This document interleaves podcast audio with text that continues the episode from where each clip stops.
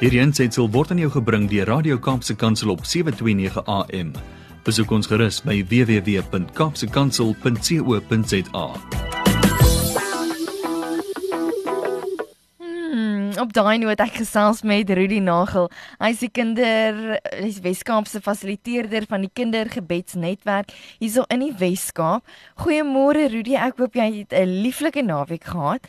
Die tema laat ons in groot verwondering. Kyk, dit kan stinkes wees, dit kan mooies wees, dit kan krommes wees, dit kan kieleriges wees, maar ek seker ons praat hier van die voete wat gekies word om die evangelie te versprei. Uh goeiemôre Leomi, good morning Brad. Hi. En uh, ek kan ek kan daarom nie vir beter inleiding vra op hierdie tema as jy in die hele daarom al uh, die voete van 'n paar kante af mooi bekyk en 'n goeie jy het 'n goeie voetjie voorgesit. Ek dink vir my jy het die regte voet uit die bed uit opgestaan. As hy net so jy het hom nou nog mooier vir ons gesê. As ons praat oor voete vanoggend, dan gaan ek eers net 'n bietjie aangaan op hierdie trant van dat ons oor ons voete in die alledaagse lewe praat ek gaan 'n paar dan tweedens gaan ek so 'n paar skrifgedeeltes na verwys waar waar die woord van God oor voet praat. Maar my hartsbegeerte is dat ons gesprek vanoggend sal bring tot 'n punt waar ons met 'n oop geestesoor sal hoor wat die Here nou vir elkeen van ons nou sê oor die mm. volgende tree wat ons moet gee. Dat ons hom vertrou vir 'n profetiese inspraak uh om die dat ons letterlik die regter voet voor sal sit in in die in die volgende tree wat ons gaan gee. Mm. Maar voordat ons by daai toepassing kom van die Here af, kom ons praat net nog so 'n bietjie oor oor voete en as jy as 'n ouer uh so voete kan gebruik as 'n maatstaf vir jou kind se groei.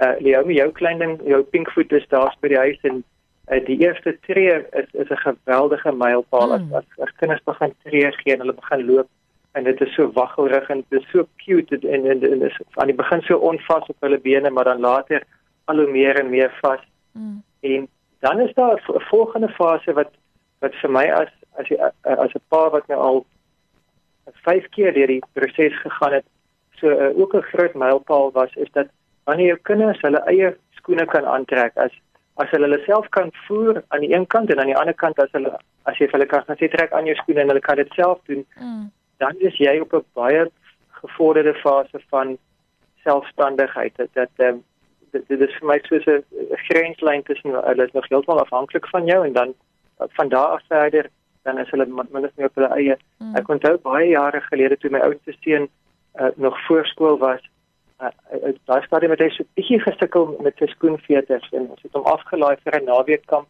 met kinders wat almal so klein bietjie ouer as hy was. En ek kan onthou wat 'n beklemming dit in my hart was as pa om te dink, gaan hy oor die naweek regkom met sy skoenveters? Mm. En daardie daardie selfde klein seentjie wat op daai stadium toe wel reg gekom het en baie mooi homself gehandhaaf het op daai kamp en sy skoenveters vasgemaak het, mm. het baie jare later het hy sy voete vir die eerste keer op vreemde bodem gesit en hy mm. die voorreg gehad om om op 'n 'n gebedskonferensie in Australië by te woon en hy hy kon sy voete sy Afrika voete in Australië sit. Mm. En so kom mens dan by die verdere mylpaal in jou lewe dat jy begin op jou eie voete staan.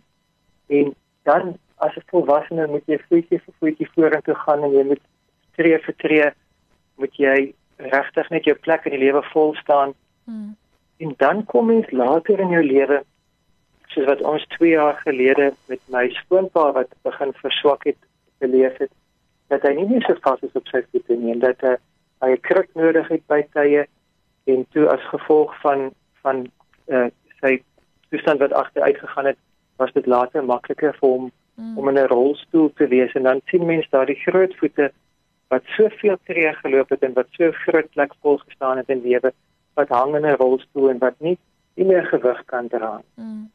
En as mens dan die sirkel wil voltooi, dan is dit dis dis dis dis nie 'n aangename gemaklike gedagte nie. Mm. Maar dan kom aan die einde van die lewe kom daar 'n tyd wanneer jou jou dop die die tentwoning waarin ons lewe nie meer lewe in het en waar mm. waar jy nie meer uh, asem in het en waar jy as 'n lijk lê in 'n lijkhuis en hulle sit 'n kaartjie gewoonlik rondom jou skrotoon en daar word jou identiteit bevestig want jy kan nie meer vir jouself praat jy kan nie meer sê wie jy is nie mm. en jou jou grootsoon word 'n plek waar hulle jou identiteit skaartjie vasmaak dat dat niemand kan deur mekaar raak van wie is hierdie nou eintlik wat hier lê. Mm. Maar dit is gelukkig genadiglik vir ons wat gelowiges is, is die lykshuis nie die einde van die pad nie. Mm. Want daar is letterlik daai laaste asem hier op aarde beteken dat ons dan ons eerste asem in die aangesig van die lewende God kan inasem. Wat beteken ons staan aangesig voor aan in aangesig tot aangesig voor die lewende God voor sy troon. Ja. En dan is spoete wat verlam was hier op aarde of wat te moeg was en te swak was om te loop, is nie meer verlam nie en dan dans ons voor die troon. Mm. En die van die van ons op aarde wat wat die talent het om te dans, kan dit op aarde alreeds doen ander van ons doen maar die stickman shuffle wat maar net so 'n bietjie heen en weer skuifel maar op die voor, voor die troon van die Here gaan ons almal in uitbundigheid met vrymoedigheid en vryheid kan kan kan dans. Ja. Dit want ons laaste tree op aarde beteken dis die eerste tree in die ewigheid in.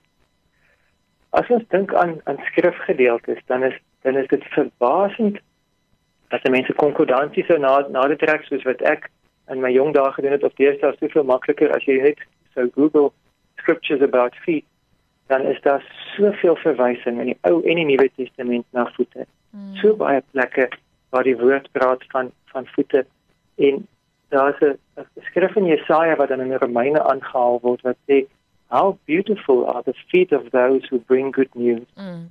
Dat ons dan nou besef dat as ons in gehoorsaamheid die goeie nuus gaan bring mm. vir ander dan is daar da is 'n aantreklikheid daarin. Mm. Daar is 'n geweldige waardigheid daarin. Mm. En of dit is soos vriende van my wat nou op pad is Tanzanië toe wat vandag oor die grens ry, al die pad van van hier af gery, die lang pad gevat en hulle gaan nou in Tanzanië sendingwerk doen. Mm. Of dit letterlik sendingwerkers is en of jy net hier uh, in die stad 'n uh, 'n uh, 'n uh, gelowige is wat jou lewe lewenssending uitlewe vir die Here. Mm. Jou is mooi en ons on, en dan moet ons ook as die die die bereidwilligheid van die evangelie as skoene aan ons voete aantrek. Mm. Our feet being shod with the preparedness for the gospel. Mm. Dat ons daardie skoene aantrek wat vir ons help om die evangelie goeie nuus, goeie nuus vir ander te vertel. En ek dink dit help nogal as mens die goeie nuus van Jesus met 'n huppel in jou stap kan vertel. Dat 'n mens kan sê al gaan dit swaar en al is dinge moeilik, die Here is die ene wat wat my las dra en wat dit ligter maak. Mm. As wonderlike skrifte in Psalms en ook in Habakuk wat praat van dat the Lord God is my strength and he will make my feet like hinds feet yeah. and he will make me walk upon my high place. 'n uh, uh, uh, ribbok al die al die die die vyfie ribbok kan op ongelooflik styl plekke vas staan. Mm. Met daai fyn hoewe, met daai fyn klein pootjies vas staan op hoë plekke sonder om te gly, sonder om te val, mm. maar op daai gevaarlike kraanse kan kan hulle huppel want hulle het gemaak om om daai hoë berge te kan ehm um, oorskry. Mm. Die gedagte van daarvan dat ons as gelowiges mekaar se voete was.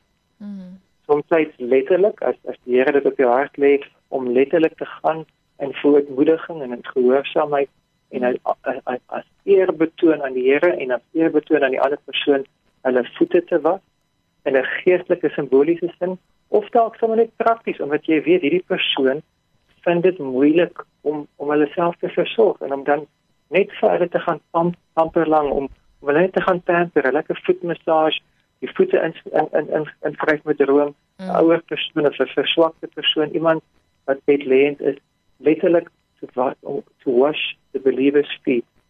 En daar's soveel ander skrifte wat wat ehm um, praat van voete. Miskien die laaste ene dat die Here se woord is 'n lamp vir my voete. 'n lamp unto my feet and a light upon my path. En dat ons dan sal sal bedink waar jy ons voete gaan. Mm.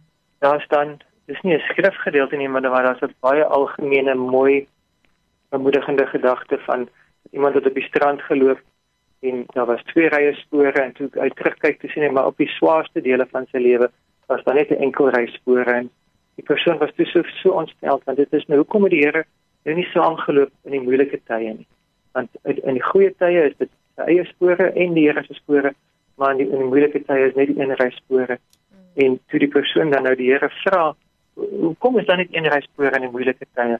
En antwoord die Here, maar dis omdat ek daai tye het ek jou gedra. Ja. Ek het nie net langs jou geloop nie, ek het jou gedra. Ja. En uh, as mens die strand en die die prentjie van voetspore in die sand net so 'n bietjie verder bedink dat ons as ouers, ons kinders volg in ons voetspore. Ons kinders uh, doen wat ons sê, maar hulle doen veral dit wat hulle sien ons doen. En hulle volg ons voorbeeld. En die die realiteit is dat dit is nie net ons kinders nie, maar dit is ons kindkinders en die derde en die vierde geslag. Die besluite wat ons maak in ons lewe het langtermyn generasionele effek op die, die volgende geslagte wat na ons kom. Mm. Dat ons voorbeeld, ons lewenstyl maak 'n impak en dit rig hulle na wat waarin waarheen hulle sou gaan. Nou ons sou eintlik lank kon 'n lekker Bybelstudie gedoen het en nog baie skrifte gelees het, maar die Heilige Gees wil een van hierdie gedagtes elkeen wat nou my stem hoor wakker maak. Mm.